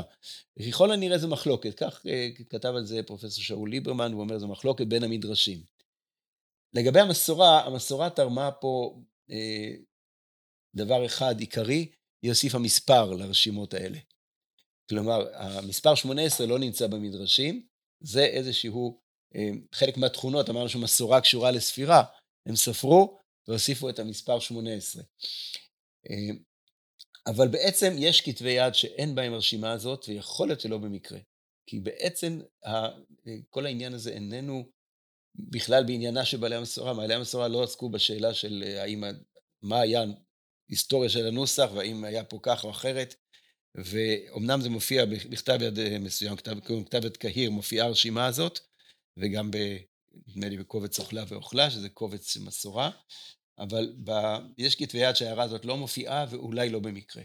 לגבי הכתר אנחנו, אה, אי אפשר להגיד דברים מוחלטים, כי לא כל הדפים של הכתר אה, שרדו עד ימינו, אז אני לא יכול לדעת, אולי שם הזה נכתב באיזשהו מקום אחר, אבל ככל הנראה לא הייתה הערה כזאת בחטא הערה מצווה, ובעצם יכול להיות שהיו מסרנים שאמרו, זה לא מענייננו. מהמם. עכשיו, בפתיח דיברתי על ירושלים בלי יוד. כן. למה? מה מה הסיבה? כן, אנחנו- אז פה באמת- הוגים ירושלים, אבל אין יוד. נכון. אז פה יש לנו שזה כן מקרה- בעלי המסורה, נכון? הם אמרו, תקרא את זה ירושלים, בעלי אפילו שאין המסורה יוד. באו לשמור את הכתיבה ולשמור את הקריאה. הם אמרו ככה, הכתיבה כותבים אותה בלי יוד, חוץ מחמישה מקומות עם יוד. זה מהמם. עניינם להגיד ולמנות את חמשת המקומות שבהם כן כותבים את היוד. לגבי הקריאה, הם מנקדים ירושלים. איך אפשר לנקד ירושלים כשאין יוד? אז דוחפים את החיריק הזה באוויר. בעצם היו צריכים להוסיף פה הערת קרי, ולהגיד, אנחנו פה מנקדים לך חיריק, אבל החיריק הזה שייך לאיזו יוד תיאורטית שלא נכתבת. נכון, אז למה הם לא עשו את זה? למה לא עשו את זה? מפני שכמו שלא עשו את זה בשם אה, שם הוויה, אה, לכתוב בכל מקום, כי השם הזה מאוד נפוץ, זה נכון גם לגבי השם יששכר, שלא אמרו השין הזאת נכתבת ולא נקראת. אה, יש כמה מילים נפוצות מאוד שהניחו שיודעים. כל מי שקורא יודע איך לקרוא, ולא צריך להעיר לו בכל מקום על הדבר הזה, זה טרחה יותר מדי גדולה, אז אה, זה נקרא קריא תמידי, ויתרו על זה. אדם יודע ש, שכתוב לו אה, שם הוויה, הוא לא יקרא שם הוויה, הוא צריך ללמוד שקוראים את זה שם אדנות, ואת זה לא צריך להגיד לו בכל מקום, הוא יודע את זה. ויודעים, אבל מה הסיבה שאין יוד? למה למה עכשיו כאן אנחנו בלי? עולים לצד ההיסטורי. בצד ההיסטורי החוקרים אומרים שהצורה המקורית לא היה בה יוד, והיא נוצרה בשלב יותר מאוחר, אולי דרשו את השם הזה, אה, בכל אופן ירושלם זה גם הצורה אה, בארמית, ונוצר פה איזה, התפרק פה אה, דו תנועה, ובכל אופן נוצר, נוצרה ההגייה הזאת. זה, כל מקרה של קריא וכתיב, באים אנשי לשון ומנסים להסביר איך נוצרה הצורה, ומה הצורה המקורית, מה הצורה שנוצרה. למשל, יש צורות שמביעות את הלשון העתיקה, אה, אתי לנוכחת, והקריאה היא תמיד את. אז פה הייתה נשילה של היוד, וזה אפשר, אנחנו מכירים את התהליך הלשוני הזה. אז המפרשים והמדקדקים לוקחים כל מקרה שקרי וכתיב ומנסים להסביר מה קרה פה ומה מביעה כל מסורת. בעלי המסורה, מה שמעניין אותם זה לשמר. המסורת שלהם היא שקוראים בצורה מסוימת, שכותבים בצורה מסוימת, וזה התפקיד שלהם. טוב, אנחנו ממש לקראת סיום. עוד שאלה שממש מעניינת אותי זה על השווה. הרי עקרונית אנחנו יודעים שאין שווה באותיות גרוניות. שווה נע. ופתאום בתנ"ך יש מהדורות מסוימות שיש שווה לא באות גרונית. למשל, אה, דוגמה משירת הים שגם מופיע בסידורים, צללו כעופרת. חטף. אז כן. יש, כן, יש אה, תנ"כים וגם סידורים שמנגדים צללו. יש שם למד, שהיא לא אות גרונית, זה לא א', ה', ח', ע', אה, וטוב, זה נושא אחר, ויש שם חטף פתאום בלמד, יש כן. שווה עם פתח. חטף באות לא גרונית. כן, ויש וזהב הארץ ההיא, אז יש כאלה שכתוב וזהב, ואותו דבר כי מאיש לוקחה או לוקחה. אז בדרך כלל זה חטף פתח, ופה יש לך דוגמה של חטף קמץ. נכון, חטף קמץ. אז השאלה שלי, מה זה הדבר הזה? זה, זה, וזה לא כן. בכל התנ"כים שהסתכלתי. כן. תנ"כים, תנ"כים, אני אפילו לא יודע איך אומרים. אה, זה מילה של ראשי תיבות, אז... אה, כן. אבל, כן. אז למעשה, יש לנו שני סוגים של אה, חטפים באותיות לא. אחד נקרא חטף מורפולוגי. כלומר, הוא מש... בא להצביע על התנועה. למשל, בשם מרדכי, מופיע לנו שם בדלת חטף קמץ, והוא אומר לנו, יש פה צליל של או, של, של קמץ. אה, באות הזאת, בניגוד לקריאה הרגילה שלנו, למשל, של מרדכי, פה צריך לקרוא מרדכי. למה הם לא נגדו פשוט בחולם חסר וזהו? לא, חולם זה משהו אחר, זה לא חטף, חולם הוא ארוך יותר. אז יש לנו פה אה, בהגייה התברנית שיש הבדל כן, בין... כן, יש הבדל באורך בין החטפים לבין התנועות ממש. אז זה אז בעצם אחד. מרדכי, במקור זה מרדכי, מהאליל מורדוך. או, אז הנה, כחוקר לשון אתה יכול לומר, הנה, אני יודע, התנועה הזאת נשמרה מהמילה, מהשם הלועזי, שבעצם השם הזר שמשתקף בש, פה בשם. אז הנה, זה הסיבה למה צריך, יש פה איכות של או של קמץ אחרי הדלת. אז למה, למה הרוב אומרים מרדכי, אם, אם זה מנוקד ב, בחטף וכאילו אמורים לקרוא מרדכי? אמורים לקרוא מרדכי, כן, להשמיע את זה. כך בעלי המסורה אמורים לנו, וכך מופיע בכל, ברוב כתבי היד ובכל כתבי היד. אז איך המרדכי כבש אה, כמעט את הכל? איך זה קרה? זה נשמע לנו קצת מוזר. כי, כי לא ידעו איך הוגים את זה? כי זה באות לא גרונית, או לא קשור? זה אה, הפתיע אנשים ולכן... יכול להיות, כן. טוב. אז זה, תפקיד אחד, להגיד... זה סוג אחד, שהחטף בא להגיד מהי מה האיכות של התנועה. אבל ברוב המקרים שאמרת, החטף בא לדבר לא על האיכות, אלא על הכמות.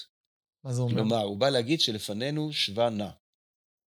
בדוגמה של הוא זהב הארץ ההיא, אז שם, אחרי אה, ו' החיבור, בדרך כלל אחרי ו' החיבור יופיע שווה נח. ובעלי המסורה באים פה לציין שהשוואה הזה הוא שוואה נע, על פי המסורת אה, שלהם. אה, ונגיד צללו? אותו דבר. הם באים להגיד שהשוואה הוא שוואה נע. אבל הוא נע גם ככה, אוכל תנועה גדולה. לא, במקרים האלה יש הרבה מקרים שבהם, אה, שבהם לא מניעים את השוואה. ורוב המקרים בעלי המסורה הקדומים, במילה כמו שאמרו, לא, לא הניעו את השוואה. אז פה הם רצו להגיד לי, תגיד צללו ולא כן, צלו? תניע את השוואה. וזה היה סימן רשות. הוא, הוא, יש כתבי יד שמרבים בו, קטע הר"ן צובה מרבה בסימן הזה, כתבי יד אחרים ממעטים בו. אלא שעכשיו יש פה בעיה, מפני שכאשר סימנו את הסימן הזה, הם הלכו לפי המבטא שלהם. כשהם קראו את המילה שדה, אז הם קראו סתם שווה נע, הגו אותו בתנועת אה. ולכן הם באו ואמרו, פה השווה הוא שווה נע, לכן מסמנים אותו בחטף פתח. כי, כי הגו אותו אה. כי הגו אותו אה. כל חטף, כל, רוב החטפים הוגים אותם אה. אבל לפי ההגייה שלנו, שסתם, אה, שווה סתם הוגים אותו בתנועת אה, אז יש לנו בעיה, אם נלך פה לפי הכוונה של בעלי המסורה, אין שום היגיון להגיד שאת המילה שדה אנחנו נקרא באה, ואת המילה שדה פה הוא שדה אנחנו נקרא באה. לכן ההיגיון אומר פה כך, אמר אה, הרב ברויר, הורה על זה וכתב על זה כמה פעמים, שבמקרים האלה לקרוא את החטפים האלה כשווה נע. כלומר, צללו, ושדה וזהב, בתנועת אה כרגיל, ושבא נע כמו המנהג שלנו, וללכת פה אחר כוונתם של בעלי המסורה ולא אחר הסימון שלהם. אז כי מאיש לוק... לוקחה זאת. לוקחה. כן. באים להגיד לנו שהשבא הזה, למרות שאין פה דגש בקוף, נשמט הדגש מהקוף, בכל זאת, השבא הזה נשאר שבא נע. אני זוכר שעל צללו, כיוון שזה למד למד ושזה לא כן. ייבלע, אז כן. אה, כאילו זה פחות העניין של השבא נע פה, אלא שים לב, זאת אומרת, כן שבא נע, אבל ש, שלא תטעה, למד ולא תבלע את זה, אז שים לב להגיד צללו. נכון, לא בכל מקום. מילה הנני למשל, אף פעם כן. לא יהיה בחטף, ותמיד הגו אותה בשבנח. למרות הנון עם שתי כן, הנונים הרציפות, קראו בשבנח. טוב, שאלה אחרונה, דיברת על הרב ברויר וכולי, אני יודע שאתה קשור לאחד ההוצאות של אה, התנ"ך. אז השאלה שלי, מה ההמלצה שלך? איזה תנ"ך היום מודפס הוא הכי מדויק, וגילוי נאות, אתה קשור לאחד מהם, אז אני מניח שאתה מליץ עליו. אז מה לדעתך התנ"ך? אני רוצה לקנות תנ"ך, מה המדויק ביותר? הטוב ביותר. טוב, אז הגילוי הנאות, אני שמח עליו, שאני באמת קשור למהדורה אחת, לא מבחינה כספית-כלכלית, אבל מבחינת ההתקנה שלה. אה, הרב ברויר הוציא כמה מהדורות במהלך חייו, ואחת האחרונות היא מהדורת כתר ירושלים, שהיה לי חלק בפיקוח עליה ובצורה המיוחדת שהיא עוצבה. זה שלושה כרכים, אם אני לא טועה, לא? תורה לא, נביאים כתובים או שזה לא, לא. באחד? אה, יש כמה, כמה מהדורות של הרב ברויר, אבל אה, מהדורת קטע ירושלים זה תנ"ך בכרך אחד. אני חושב שהיום קשה כבר להשיג אותו בשוק. בכל, בכל אופן, אה, יש כמה מהדורות שיצאו בתקופה, בעשרות השנים האחרונות, שהמיוחד שבהם שהן יצאו על פי כתר ארם צובה ועל פי כתבי יד אחרים שדומים לו, ובזה הם שונים בהרבה מקומות, אה, במיוחד בנביאים וכתובים, מהנוסחים אחרים שהם קרובים לדפוס שיצא בוונציה אה, במאה ה-16. ולכן באמת אה, כל ההוצאות האלה, יש כמה הוצאות מהסוג הזה, שלמשל מהדורת מקראות עולות הכתר באוניברסיטת בר אילן, שגם במידה מסוימת גם נטלתי חלק גם מסוים גם בה, ומהדורת מפעל המקרא בירושלים, אה, כולן מהדורות אה, מודרניות שיצאו בשנים האחרונות והן אה, הולכות על פי קטע ארם צובה וכתבי היד הקרובים לו, ולכן במובן הזה הן מדויקות יותר, קרובות יותר למעשיהם של בעלי המסורה, כפי שיצרו אותם. יש ביניהם הבדלים, היו ויכוחים לגבי החטפים, לגבי הגאיות. אה, חטפים שדיברנו לפני רגע, כן? חטפים שדיברנו באותיות לא גרוניות, לגבי גאיות, שהרבה קוראים אינם יודעים בכלל מה עניינן של הגאיות, ולכן... אומרים שזה הקפצה קטנה, לא? שיש גאיה, נותנים איזה... כן, אז יש מסורות... התאמה שמאוד, קטנה במילה. יש מסורות קריאה שמאוד אה, אה, מקפידים על הגאיות, במיוחד התימנים, ו... אבל יש מסורות אחרות שבעל הקריאה כביכול מתעלם מהם כאילו אינן. אז שם ישנם הבדלים מסוימים, והם דקים מן הדקים. בעצם זה אולי מסמל את כל מפעלם של בעלי המסורה, שבשלב הקדום, כמו שאמרנו, הם הצליחו להתגבר על הבדלים של מילים ומשפטים וסדר המשפטים במקרא. אחר כך הם התמודדו עם כתיב מלא וחסר. ובסוף נשאר להם להתווכח אם יש גאיה או אין גאיה. ובאמת המחלוקות שבין אשר ובין נפתלי, רובן עוסקות בשאלה אם מילה אחת מוקפת לזו שאחריה, או יש לה טעם עצמאי, או אם יש גאיה במילה או אין גאיה במילה. כלומר, הם הגיעו כבר למיקרו, לעיסוק בפרטים הזעירים ביותר של ההגייה, מפני שאת כל ההבדלים הגדולים הם כבר פתרו והצליחו להגיע להגייה קודם לכן. טוב, לא דיברנו על קורן ודותן וכולי, אבל בגדול אתה ממליץ על uh, המהדורה של הרב ברויר, כן? לא, לא, זה מה שאמרתי, אמרתי שישנן מהדורות מודרניות על פי קטע הרם צובה. אה, לא יודע, קורן זה על פי קטע הרם צובה? אה, לא, לא קורן הוא לא? בתקופה עוד מלפני שקטע הרם צובה... אז כאילו זה נחשב פחות טוב, מה שלא מושתת על קטע הרם צובה? לגבי התורה אין שום... בסופו של דבר לא תמצא אפילו אות אחד, אה, אות אחד הבדל בתורה, חוץ מאותם מקומות שיש הבדל מאשכנזים וספרדים. לגבי הנביאים יש הבדלים גדולים בכתיב.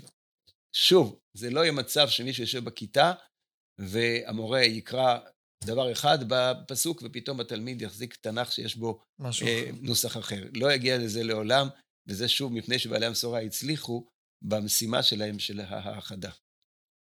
טוב, תודה רבה. פרק שממש חיכיתי לו הרבה זמן לנושא הזה. אני אגיד שהרבה ממה שאמרת, ו- ועוד דברים שלא דיברנו בפרק, מופיע בספר המסורה למקרא של ישראל יייבין, שאתה... יייבין, נכון? או יבין, איך אומרים? השאלה אם זה מגיע אשכנזי זה לא. אז ישראל יייבין, או יבין, אה, שאתה העדרת, נכון? יש מהדורה של האקדמיה ללשון העברית, שאתה... אני ערכתי אותה. ערכת אותה. אז יש שם הרחבות על כל עולם המסורה ומה מימו. אמ, עוד פרטים אפשר... אה, יש אני... ספר שאני, מבוא על המסורה שהוצאתי באנגלית, ובדפוס מצויה גם מהדורה עברית, אני מקווה שהיא תופיע בקרוב. או, נהדר, מחכים. עוד הרחבות וכישורים, אני אוסיף לאתר לשוניאדה, יש קבוצת פייסבוק, תחפשו קולולושה בפייסבוק, אפשר לדון על הפרק, לשאול שאלות, בכלל בענייני לשון ועוד. אמ, אני רם נתניהו, מאולפן מט"ח, המרכז לטכנולוגיה חינוכית. תודה רבה שוב, ותודה רבה לגדעון הטכנאי. להתראות.